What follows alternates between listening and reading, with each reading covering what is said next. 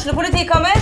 Ine Jansen er purk. Er du purk? The motherfucking bitch. Alt jeg vil, er å finne ut hva som skjedde med mannen min. Jon Carew. Er jeg sikta for noe? Iben Akeli. Det er du. Ole So, Lars Berrum og Big Daddy Karsten. Hvem sin side er du på, egentlig? Anette Hoff, Tone Danielsen, Kommer du fra Afrika?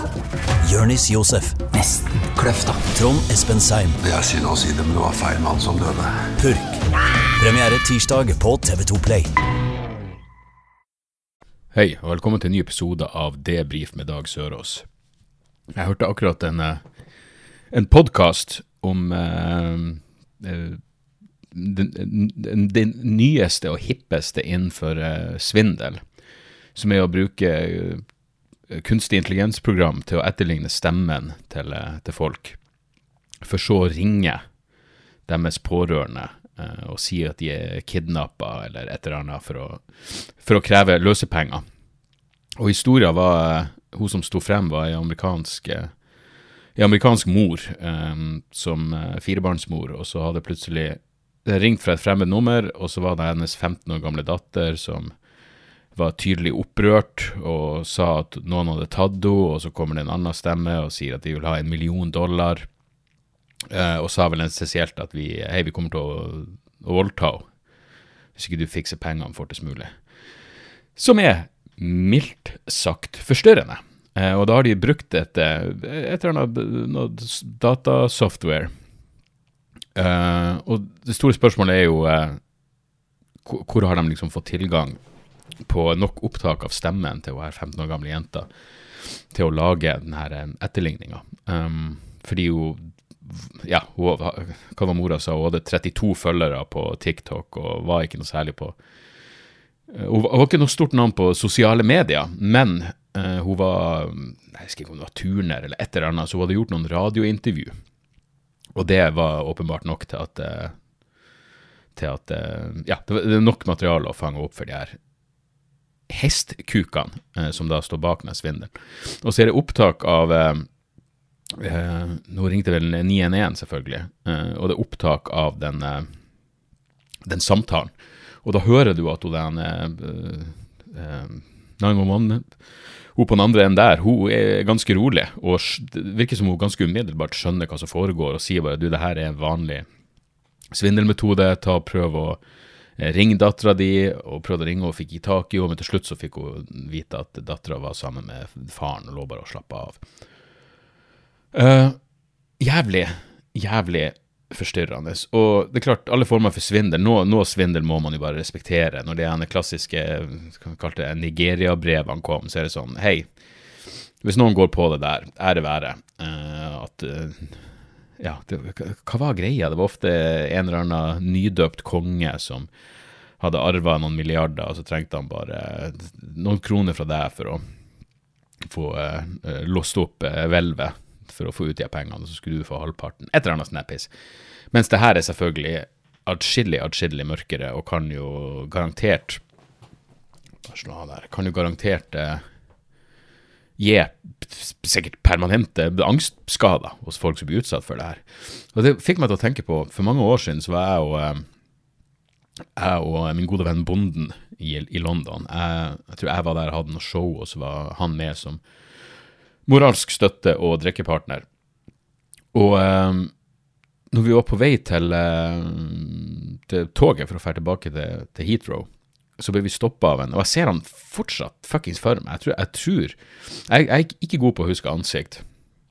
Faktisk jævlig dårlig på det.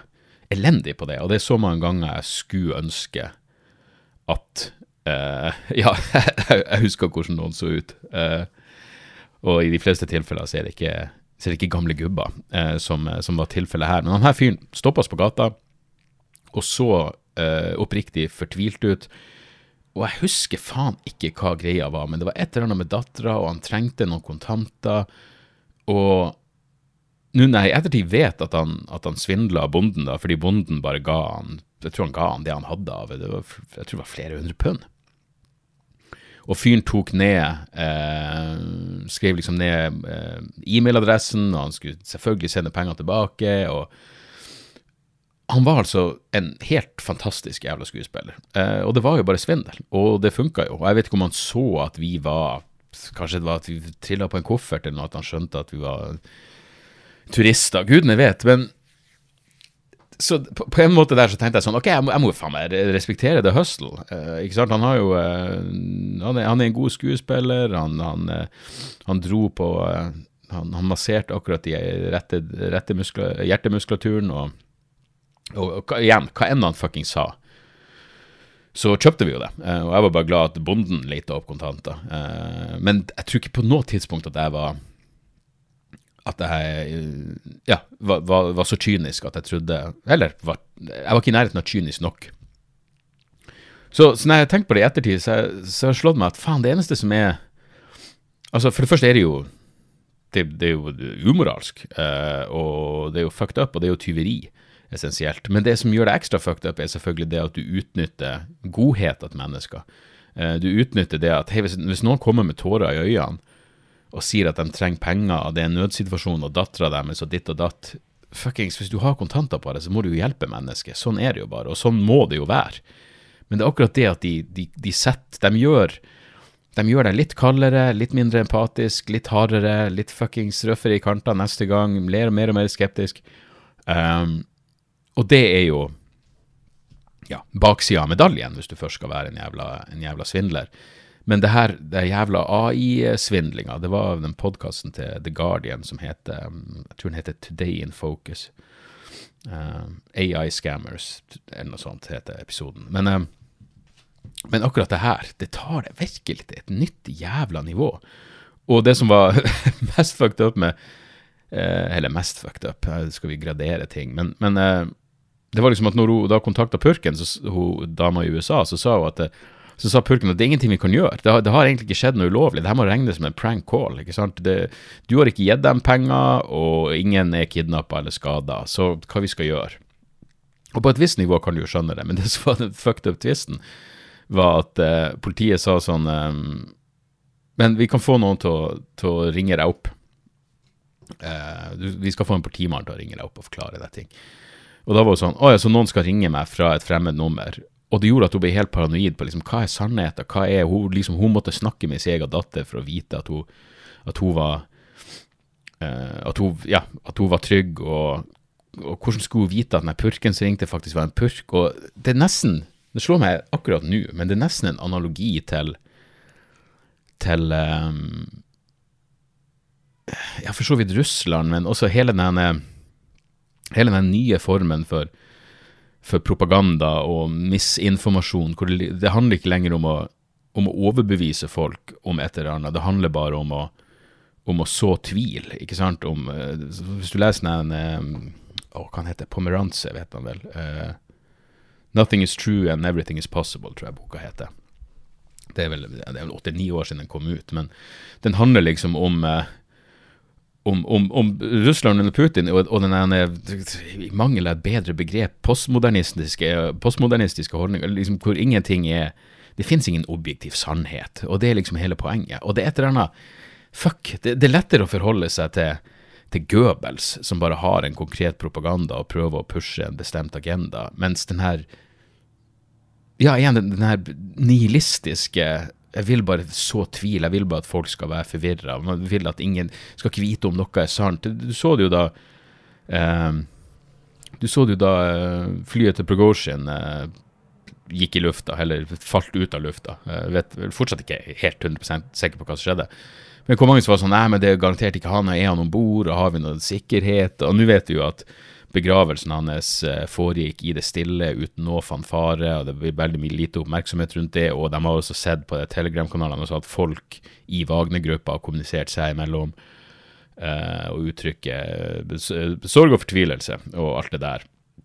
Um, over at krigsherren eh, Prigozjin er død. Så da, ja, da, da, da, blir du vel så sikker som du kan bli, eh, når du ikke har tilgang på fuckings DNA-bevis på at han var om bord på, eh, på det flyet. Uh, men det sier liksom noe om den. Alt blir Det, det er umiddelbare konspirasjonsteorier, og jeg tror faen meg det må være ingenting Jeg tror ingenting er så jævla effektivt for å skape apati, og at folk bare gir opp og prøver å forholde seg til, til noen form for uh, Hva det så fint det heter? Konsensusvirkelighet. Liksom at man har det samme at, man- at man har den samme oppfatninga av hva fuckings realitetene er.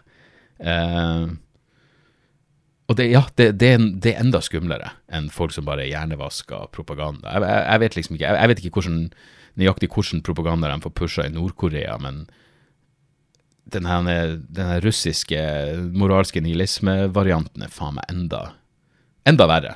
Eh, og sikkert vanskeligere å, vanskeligere å, å kjempe imot eh, også. Uansett, eh, jeg hadde noen jævlig bra dager. Jeg hadde en jævlig bra søndag og mandag. Det er liksom ikke de dagene hvor det skjer mest. Eh, søndagene er ofte mine favorittdager, fordi eh, det er sjelden noe Det er sjelden noe jeg må gjøre på en mandag. Og eh, ja, søndagskveldene er, er ganske digg og hellig. Men denne søndagen så eh, skulle eh, min gode venn Gråbein Kjent fra lyd og bilde, men også som Og mannen som fikk Doug opp til Norge første gang. Det var jo sånn Eller hver gang. eh, Rett skal være rett. Hver gang standup har vært i, eh, i Norge, så er det Gråbind som har booka han. Jeg er ganske sikker på. Eh, uansett, nydelig fyr. Men han er også vokalist i et eh, Rammstein coverband som heter Ramsund. De, de spiller Rammstein, og så synger de på nynorsk. Og det er jo komisk eh, i utgangspunktet. Men greia er at jeg er ikke noe Rammstein-fan. Jeg har aldri hørt på Rammstein. Jeg, liksom, jeg har hørt Du Hast. Og det er stort sett det hele. For meg så er det litt for klinisk. Jeg liker ikke tysk. Det er noen traumatiske greier fra at jeg hadde tysk på, på ungdomsskolen og videregående og fortsatt bare kan si setninga 'Ishma kaltes bier', og det er ingen overdrivelse. Jeg kan si jeg liker kaldt øl, og jeg kan ingen andre setninger på tysk. Det, det, det er ufattelig at det går an å ha så mange timer tysk uten å lære en fuckings dritt. Men den tar jeg vel på mi kappe. Og det mener jeg faktisk oppriktig denne gangen. Jeg hadde en flink tysklærer, så det var, det var rett og slett bare min feil. Men ingen forhold til Rammstein. Eh, hater nynorsk. Hater nynorsk som vi, Det var akkurat en, en artikkel i Klassekampen eh, som var en sånn kritisk eh, Det var ikke en bokanmeldelse, men det var en kritisk artikkel om ei bok som jeg holdt på å lese. Og den boka er særdeles, særdeles interessant. Men fordi den jævla artikkelen var på nynorsk, så er det sånn Fuck, jeg bare, jeg bare skipper. Jeg klarer ikke. Jeg klarer ikke den jævla nynorsken. Jeg husker jeg sa til Simon Malkenes når jeg, jeg skulle ha ham på podkasten min eller et radioprogram, og jeg måtte lide meg gjennom uh, hva en slags bok det var som var aktuell, da, som han hadde skrevet. Uh, men på nynorsk. Og det var sånn Fuck, jeg må jo fordi jeg må, men helvete heller jeg har til nynorsk. Så liker ikke Rammstein, liker ikke nynorsk, elsker gråbein. Um, jeg, tror, jeg tror kanskje jeg hadde sett Ramsund en gang før på Rockefeller, sånn halvveis, men da var jeg i en tilstand. Så, så denne gangen, så Det som liksom pusha det over, var selvfølgelig at de skulle spille i opera. De hadde solgt ut operaen, som er jævlig kult. Og det her er, det her er gutter som gjør det av idealistiske grunner. Jeg, jeg, tror ikke, jeg tror ikke de er i det for pengene, for å si det sånn. For helvete, de kjørte på med så mye pyro at de må jo, gå, de må jo få faktura, selv om det var, var, var utsolgt. Um, men det som liksom eh, gjorde at jeg ikke var i tvil om å fære, var at eh, fruen, Anne Marie, var interessert. Eh, Anne Marie hadde ei veldig god venninne som, eh, som, eh, som døde i fjor, som var enormt, enormt stor Rammstein-fan. Hun daua vel akkurat i tide til å ikke få med seg alle er eh, mot vokalisten, som vel nå er Han er vel frikjent, eller det er henlagt, jeg, jeg vet da faen. Det ordna seg. Men Anne Marie hadde lyst til å fære og se. Og så ja, selvfølgelig, da, da drar vi, og uh, Gråben hadde fiksa så jævlig bra seter. Det var liksom, eh, Vi satt midt på rad syv, og jeg tror hvis, hvis det var ja, Uansett hva som hadde skjedd i operaen, hvis, hvis jeg fikk velge i, set, ei rad og, og setenummer, så var det der så optimalt som man, eh, som man fikk det. Og veldig kult. Jeg hadde, jeg hadde aldri vært inne i operaen før. Jeg hadde gått liksom opp på taket, og jeg innbilte meg at jeg hadde vært inne der, og så slo det meg nei, det er ikke. Jeg var på en eller annen klassisk konsert i, i Trondheim da jeg bodde der, men aldri vært inne i operaen. Og det er jo fint, men jeg må ærlig innrømme, jeg tenkte ja, det her er jo kult, men det er ikke så, det, det er ikke så mind-blowingly fint. Det er liksom ikke så jævla mange hakk over. Jeg tenkte at det her har vært et nydelig standup-lokale. Um, om det minner om noe, så er det vel kanskje Drammen Teater, men, som er en helt syk ting å si, men det er sant. Um, og så, så er det noe rart med å se en rocke... Gråbein sa det vel på scenen at her minner faen meg om pandemien. liksom Å, å, spille, å spille hard musikk foran et sittende publikum er, er litt merkelig. Men de leverte som faen. Og eh, så jeg og Anne Marie vi gikk og spiste først. Spiste noe indisk og drakk litt vin, og så, og så var det ned der. Og så har selvfølgelig fuckings operaen. Litt pretensiøs må du være, så du har ikke lov til å ha med deg drikka inn i salen. Kun vann. Så uh, vi bøtta ned på litt vin ute i foajeen, og så gikk vi inn, og uh, storkosa meg. Det var dritkult. De leverte som faen. De, uh, og, og Gråbein, han er jo faen meg like gammel som jeg, og han driver jo og hopper og spratter. En spretten jævel, det skal han ha. Uh, så det var dritbra og sjarmerende. Men Anne Marie flirte, altså. Hun flirte som om hun var på et komishow. Og det var først etterpå at jeg egentlig forsto at det er jo fordi hun kjenner til de låtene. Hun skjønner liksom Hun hører hvor jævla absurd det er at det er gått fra tysk til nynorsk. Så i starten ble jeg jo faen meg nesten flau. Men heldigvis så hadde Gråby noen sånne særdeles tørre vitser eh, innimellom låtene. Så, så det, han åpner liksom opp for at det går an å flire her. Eh, det er jo et eller annet weird med noe steinharde riff og noe grønting på topp, og så, og så sitter noen og flirer. Men eh, ja, det, det, var, det var faktisk eh, på sin plass. Så det var dritgøy, og glad jeg dro, og veldig fint å se dem. Og som Gråbein sa, det er vel første og siste konserten de har i, eh, i, i operaen. Og så, i går, så var det Daniel Så var det Daniel Romano på Rockefeller. Og Daniel Romano er jo et Altså, ja, man, man, kan misbruke ordet geni, men han er et fucking geni. Det er bare ingen, ingen tvil. hvis noen er et geni, geni, så er han et geni. og Um, så det var, det var, han, og så var det et Det første supportbandet så jeg bare én låt av, og så var det Juliana uh, Riolino, som uh, er da med i bandet etter uh, Dani Romano. Og som, som soloartist, jævlig bra. Jeg kom vel ut med ei skive i fjor som var som var, som var dritbra, og som, som absolutt kan, kan anbefales. Um, så, så hun var kjempebra. Og Daniel Romano var altså Helvete heller. Det er noe av det råeste jeg noen gang har sett. Altså, han gikk på og kjørte altså Det må ha vært 15-16 låter på rappen. Altså Daniel Romano er en sånn fyr som Jeg, jeg, jeg lurer på om han ga ut fem-seks skiver i løpet av et år. Altså Det går litt rundt for meg nå, men han er fyren som, som kan spille Han kommer ut med ei countryskive, og så kommer han ut med ei popskive, og så kommer han ut med ei punkskive, og så kommer han ut med ei indieskive. Altså, han er et jævla et jævla unikum. Jeg skal bare gå inn og se her på Og måten han har gjort det på, han har gitt ut noen skiver, eh, liksom offisielle ut, utgivelser som du kan finne på Tidal og Spotify, men det er nesten ikke de beste skivene hans. Så vi ser, i 2018 kom han ut med 1, 2, 3 og så i 2020 1, 2, 3, 4, 5, 6, 7, 8, 9 utgivelser i 2020.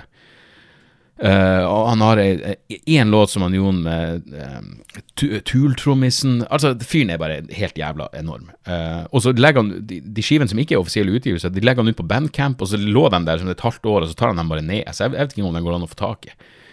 Og der er det altså så jævla mye fantastiske saker.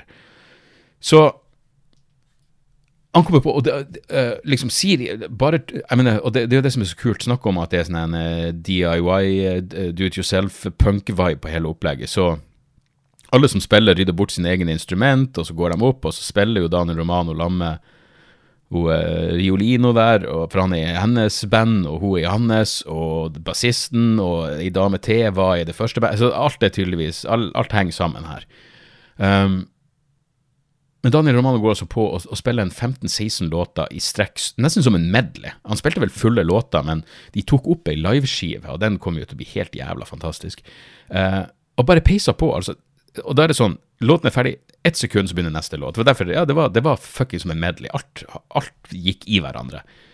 Uh, og så er det jo så variert, men samtidig så jævla eh, generelt høy kvalitet på det han holder på med, og en sånn sinnssyk energi og en sånn jævla trøkk. Liksom alt ble bare Det føltes så jævla heavy um, i forhold til hvor mange av de låtene er på, på skive, da. Men eh, jeg var helt enormt jævla bra, og peisa på og spilte kanskje 20, 20 låter. Uh, jeg husker ikke om de gjorde en sånn encore, jeg husker ikke om de gikk av og gikk på igjen, kanskje. men jeg bare sto der og Jeg skrev vel på Instagram noe sånt som at det, det, var så bra at det føltes nesten flaut å være der. Det var liksom bare sånn Når, når alle blir sånn Helvete. Jeg følte bare Det var som å det var som å gå ut av kinosalen etter å ha sett Oppenheimer. Jeg var liksom bare stille en stund. Uh, og det var en jævlig Faen, altså, det er de her kveldene som Liksom, du skjønner, ja man forkorter livet sitt med, med alkohol, men, men det, det, var en så og, og, Hadde jeg bare gått og sett Daniel Romano nykter, så ville det fortsatt blitt en dritbra kveld, men det er ingen tvil om at når det flyter litt i glasset, så blir det altså helvete. Det var så god stemning, og jeg var så jævla Jeg dro dit sammen med Hans Magne, og så var Egon Holstad og kona var der, så vi traff dem før konserten, og så traff vi eh, Etterpå så gikk vi på eh, gikk vi opp på Revolver, og så var eh, Jon, eh, trommisen i Madrugada, som jeg først og fremst bare husker som en fantastisk arrangør oppe i Nord-Norge. Han jobba jo på eh, kulturhus i både Stokmarknes og Hammerfest, så, så eh, han, han, kjente jeg jo lenge før, eh, si, før eh, Madrugada starta opp igjen. Men han var der, og så gikk vi på Bonanza, og det var, det var bare en jævlig bra kveld. Liksom, jeg, jeg, gikk bare hjem med et fucking smil om kjeften og tenkte det her var faen meg optimalt, altså. Det var en sinnssyk konsert, og hyggelige folk og god stemning. Helvete, altså. Man, man lever lenge på uh, Man lever lenge på det der faenskapet. Det, det, må jeg da for faen bare uh, tro og innbille meg og håpe på. Så uh, knallfuckings kveld på alle, alle måter. Ellers så uh, Ja, la meg få det ut av, uh, ut av veien. Jeg, jeg, jeg, starter turneen på fredag igjen. Uh, da skal jeg til Steinkjer. De åpner vel et nytt Jeg er ganske sikker på at de Jeg lurer på om det Jeg vet ikke om det er åpningskveld, men det er noe som heter Steinkjer kulturhus. som i hvert fall er nyåpna. Og det, mitt show er et av de første showene som skal være der. Så på fredag klokka 19 19! Vi starter i rett tid. Og det har solgt bra, men det er fortsatt det er fortsatt noen billetter igjen. Hvis jeg er inne på salgskartet nå, jo, det her blir jo knall. Eh, det må da faen meg være lov å håpe at det skal kunne bli fullt til fredag også. Eh, Steinkjer er vel ikke en enorm plass, og det er en relativt stor sal. Men eh, nei, fuck, det kommer til å bli jævlig, jævlig bra. Jeg gleder meg som faen til å, til å komme i gang igjen. Men det som er liksom Av og til så er jeg sånn, jeg, jeg skjønner ikke hvor vanskelig jeg jobber ikke i et flyselskap, så jeg vet ikke. Men jeg skal til, jeg skal til Tromsø på torsdag og gjøre en firmajobb. Så jeg hadde allerede billett fra Oslo til, til uh, Værnes da, den fredagen. Og så skal jeg til Tromsø på torsdag, så da har jeg fått et fly som lander med SAS, da, uh, hele veien. Uh, så jeg, jeg, la oss si jeg lander klokka ti på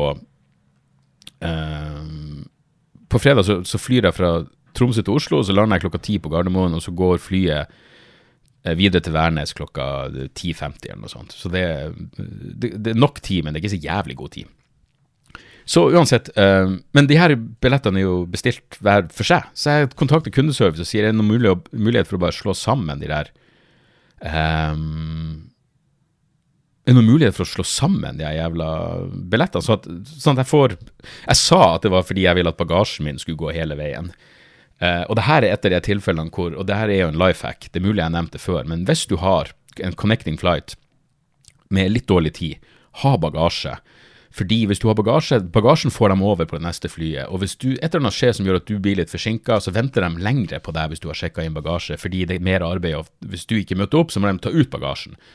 Så da venter de lengre enn hvis du ikke har bagasje. Så jeg har lyst til å sjekke inn bagasje bare av prinsipp, så det ikke skal være noe stress. Men hun dama er sånn, nei, men det går ikke, vi kan ikke slå sammen. Så bare, så du sier at jeg må hente ut bagasjen i Oslo fordi det rekker jeg ikke. Og hennes svar nei, det går ikke an å slå sammen. Så jeg sa bare nei, men da blir det Norwegian, da. Takk for ingen fuckings ting. Så mye for eh, diamantkundeservice. Eh, at det faen meg skal være Og jeg vet jo at jeg, mest sannsynlig hvis jeg går på flyplassen og, og, og sier send bagasjen hele veien, så gjør de det. Men det er et lite ekstra fuckings steg. Da må du få tak i et menneske. og de er jo ikke, de er jo few and far between på moderne flyplasser, de som faktisk kan hjelpe mennesker som kan hjelpe dem med noe. Så jævlig kukete at det skulle være det. Det, som jeg kommer med, et, sånn, et komplisert jævla spørsmål hun aldri har vært borti før. Det der må da skje hele fuckings tida. Unnskyld at jeg bruker det jævla flyselskapet ditt. Vet du, jeg hørte på um, en annen uh, en annen pod i dag fra New York Times sin podkast The Daily, og den handler om nesten-ulykke, nesten-flyulykke i USA, og det var faen meg sjokkerende statistikker. Altså På én måned, en tilfeldig måned, så var det over 40 tilfeller av nesten-ulykke. Eh, altså hvor fly kommer. Og da er det sånn eh, Hei, et fly får beskjed om å ta av på samme rullebane, samme rullebane som et fly nå er på vei til å lande på.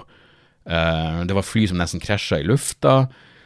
Og de hadde opptak fra flytårnene som kan skremme livet av deg. Og så er det selvfølgelig spørsmålet hva i faen skjedde her? Og problemet er jo det, Hvem hadde trodd det? det? Problemet går tilbake til Ronald fuckings Reagan, den der jævla kuksugeren. Ronald Wilson Reagan, 666, alt det der. Uh, som uh, på 80-tallet Det var en uh, streik. herregud, hva man kaller det? Fly, de som sitter i flytårnet. Fly... Herregud. Hva faen heter det? Fly tårnfolk, flytårnfolket i USA, eh, gikk ut i streik. Noe de vel egentlig ikke hadde lov til å gjøre, for de er føderalt ansatte. Og så i stedet for å da forhandle og alt det der, og verdsette dem, så sparka bare Reagan alle sammen. Så derfor er det en lag. De mangler folk. De mangler fly... Eh, helvete. Skal jeg være så dum at jeg nå er jeg redd for å bli overvåka? Hva heter de som jobber i flytårn? Gud, Air Traffic Controller, hva i faen er det på norsk? Flygeleder. Flygeleder, for faen. Så de sparker en masse flygeledere. Så de har for få flygeledere. Fordi alle blir sparka, så har du masse flygeledere som Det tar lang tid å utdanne dem, og det krever penger og alt det der. Så du har også I løpet av pandemien så var det masse folk som slutta som flygeledere. Så de mangler eh, om det var 10% for lite flygeledere. Det, og det er et av hovedproblemene. Altså, de som er der, blir overarbeida. Er det noen du ikke vil ha fuckings overarbeida? Så er det jo fuckings flygeledere. Jeg husker jeg kjente en som prøvde å bli jeg mener, Kanskje jeg husker feil, men jeg mener han sa at han klarte ikke uh, hva enn kravene var, og da kunne du ikke prøve på nytt igjen. Og jeg, jeg liker det som det. det. Sånn skal det være.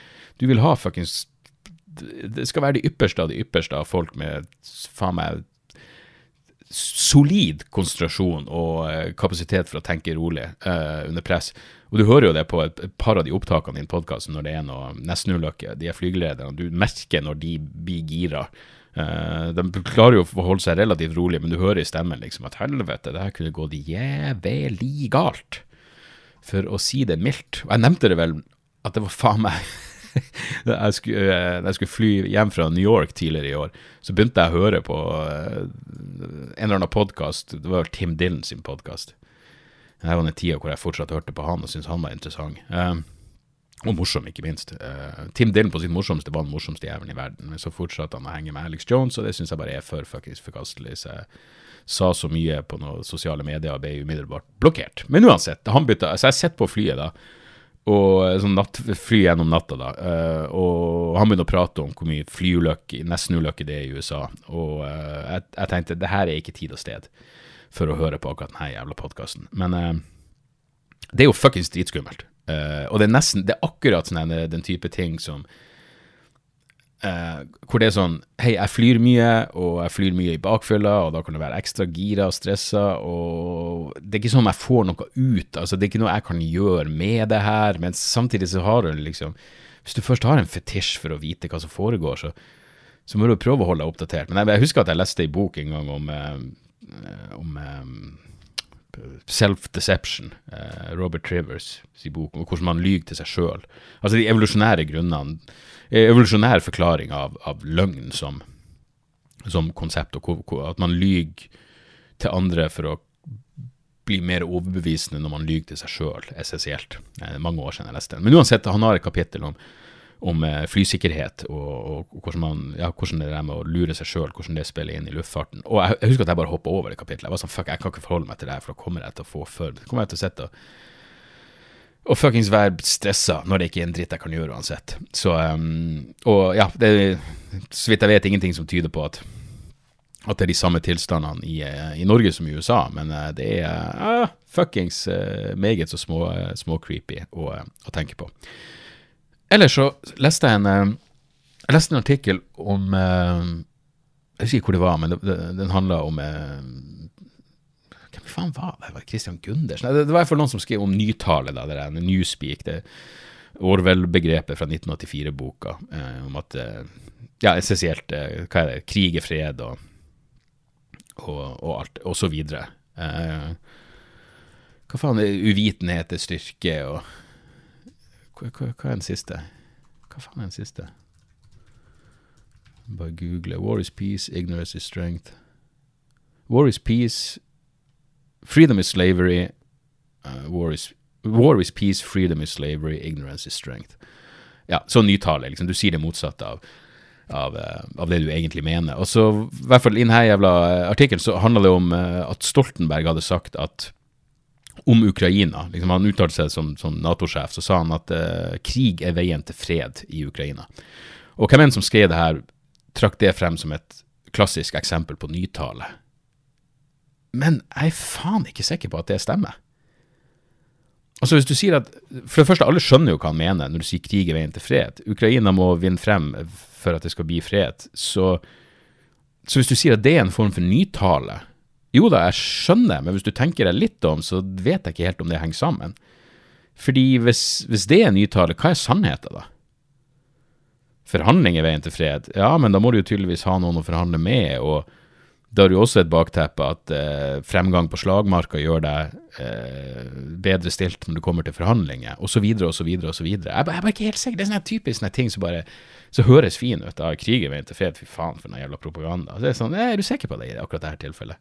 er ikke krig veien til fred. For hvis ikke krig er veien til fred, så vet jeg ikke hva som er veien til fred. Det ender vel opp med en eller annen form for forhandling til slutt. Uh, og selvfølgelig håper jeg at denne krigen ender så fort som mulig, uh, uten at noen uh, begynner å involvere taktiske atomvåpen. Men jeg er ikke sikker på Jeg, jeg, jeg tror muligens det gir, det gir mening. Ellers er jeg bare blitt en sånn jævla nykonservativ krigssisser på mine på mine eldre dager. Brorsan sendte meg en Se om jeg får den opp. Uh, en artikkel fra Faen, hva Faen! Hva er passordet på det helvetes fremover? Uh, men uansett, det var Det var um, skal bare se hvor jeg lager det her. Å, helvete, hvor er det jævla fuckings passordet? Ja, der.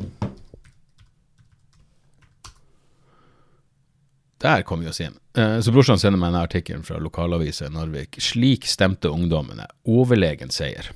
Onsdag var det skolevalg både på Narvik ungdomsskole og Narvik videregående skole. Nå er et av resultatene klar.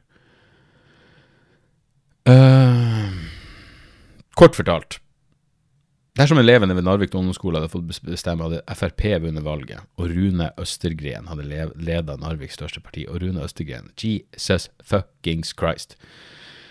Nå skal man ikke dømme folk etter utseende, men hvis vi gjør det, denne fyren er ikke, ikke egnet til å styre noen verdens ting, bare basert på utseende, og så legger du ideologi på toppen, og så blir du bare hellig overbevist at denne fuckings fyren kan da vel faen ikke styre noen verdens jævla ting, inkludert sin egen garderobe. Frp 57 stemmer. 29% av stemmene til Frp. MDG null. Ikke én stemme. Så klimaangsten uh, Og Venstre fikk eh, 1 av stemmene. Uh, klimaangsten Nope, ikke i Narvik. Null jævla stress. Og det her er det sånn hva i Det her er ung, altså ungdomsskole som overveldende stemmer på Fremskrittspartiet. Det er faen meg forstyrrende, så fremst det ikke er rein jævla proteststemme, som om sønnen min skulle bli en kristen investor eller et eller annet sånt, og bare gjøre opprør mot pappa på den måten. Jeg, jeg håper det er det. Jeg, jeg, frykter at det er noe helt annet.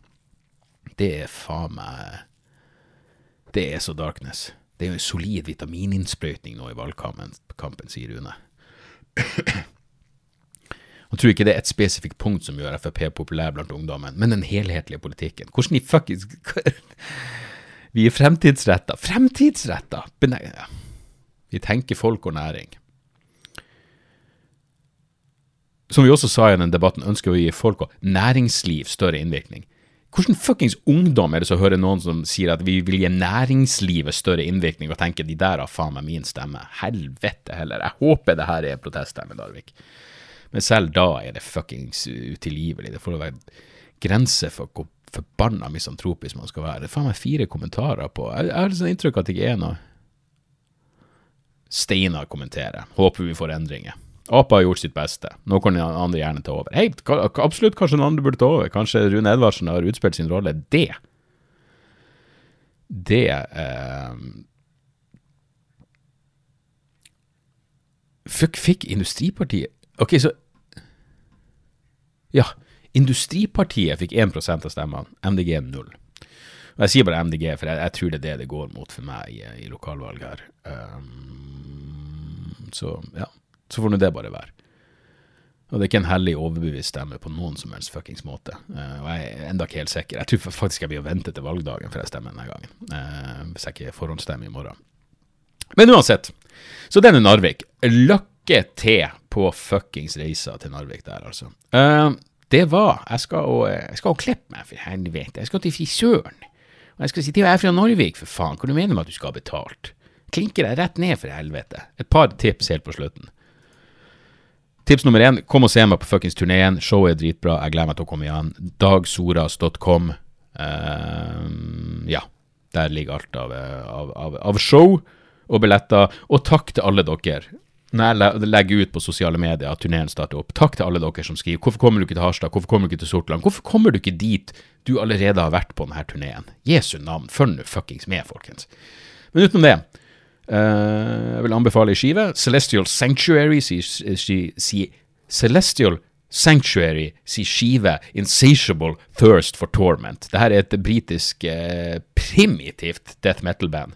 Uh, og hvis du liker Gatecreeper og Blood Incantation, og det er kanskje litt Bolt Thrower der også Åh, oh, det er så skalleknusende fuckings steinaldermann-death metal. Med litt sånn, for all del, ikke det er um, det er noe ganske teknisk gitararbeid til tider, og, men det, det, det fuckings, den er dritfett. Altså, du bare ser det coveret, så, så, skjønner du fort om det her er for deg eller ikke. Hvis du liker din dødsmetall, eh, eh, veldig rette poenget og, eh, og primitive har, så er Celestial Sanctuary absolutt å anbefale. Og så en film som var veldig fin, som heter Are You There God It's Me Margaret, som er basert på ei bok uh, med uh, Rachel McAdams. Uh, ganske holdt seg bra. Holdt bra. Jeg tror faen meg er på min alder. Men uh, hun er jo bestandig god stemning. Og det, det, er jo egentlig en sånn det, det, er jo egentlig ikke en sånn film som jeg skal like, for så vidt. Det er jo sånn en coming of age, tenåringsjente som begynner å komme i puberteten, og så skal hun flytte fra New York til New Jersey, og så begynner hun å få nye venner, og så sliter hun litt med at uh, den religiøse mora er kristen og faren er jøde, og så hva skal hun velge, og så jeg skjønner hun egentlig at hun er ateist, og, og derav tittelen, det er sånn hun liksom ber til Gud med å si Are you there, God, it's me, Margaret, og men jeg vet ikke. Det, det, det, av og til så trenger man noe sånt. Det er en fuckings tidvis mørk verden der ute, og av og til må man koble av med noe som bare er fuckings feel good. Så så den filmen eh, likte jeg veldig godt. Og så uh, Vi har kommet boktips, uh, som også potensielt litt håpefull. Det er boka Matt Johnson som heter How Hitchens Can Save the Left, som er en bok om uh, Christopher Hitchens sin politikk. og Uh, hva er undertittelen igjen? 'Rediscovering Fearless Liberalism in an Age of Counter-Enlightenment'. Men det å lese denne boka samtidig som f.eks.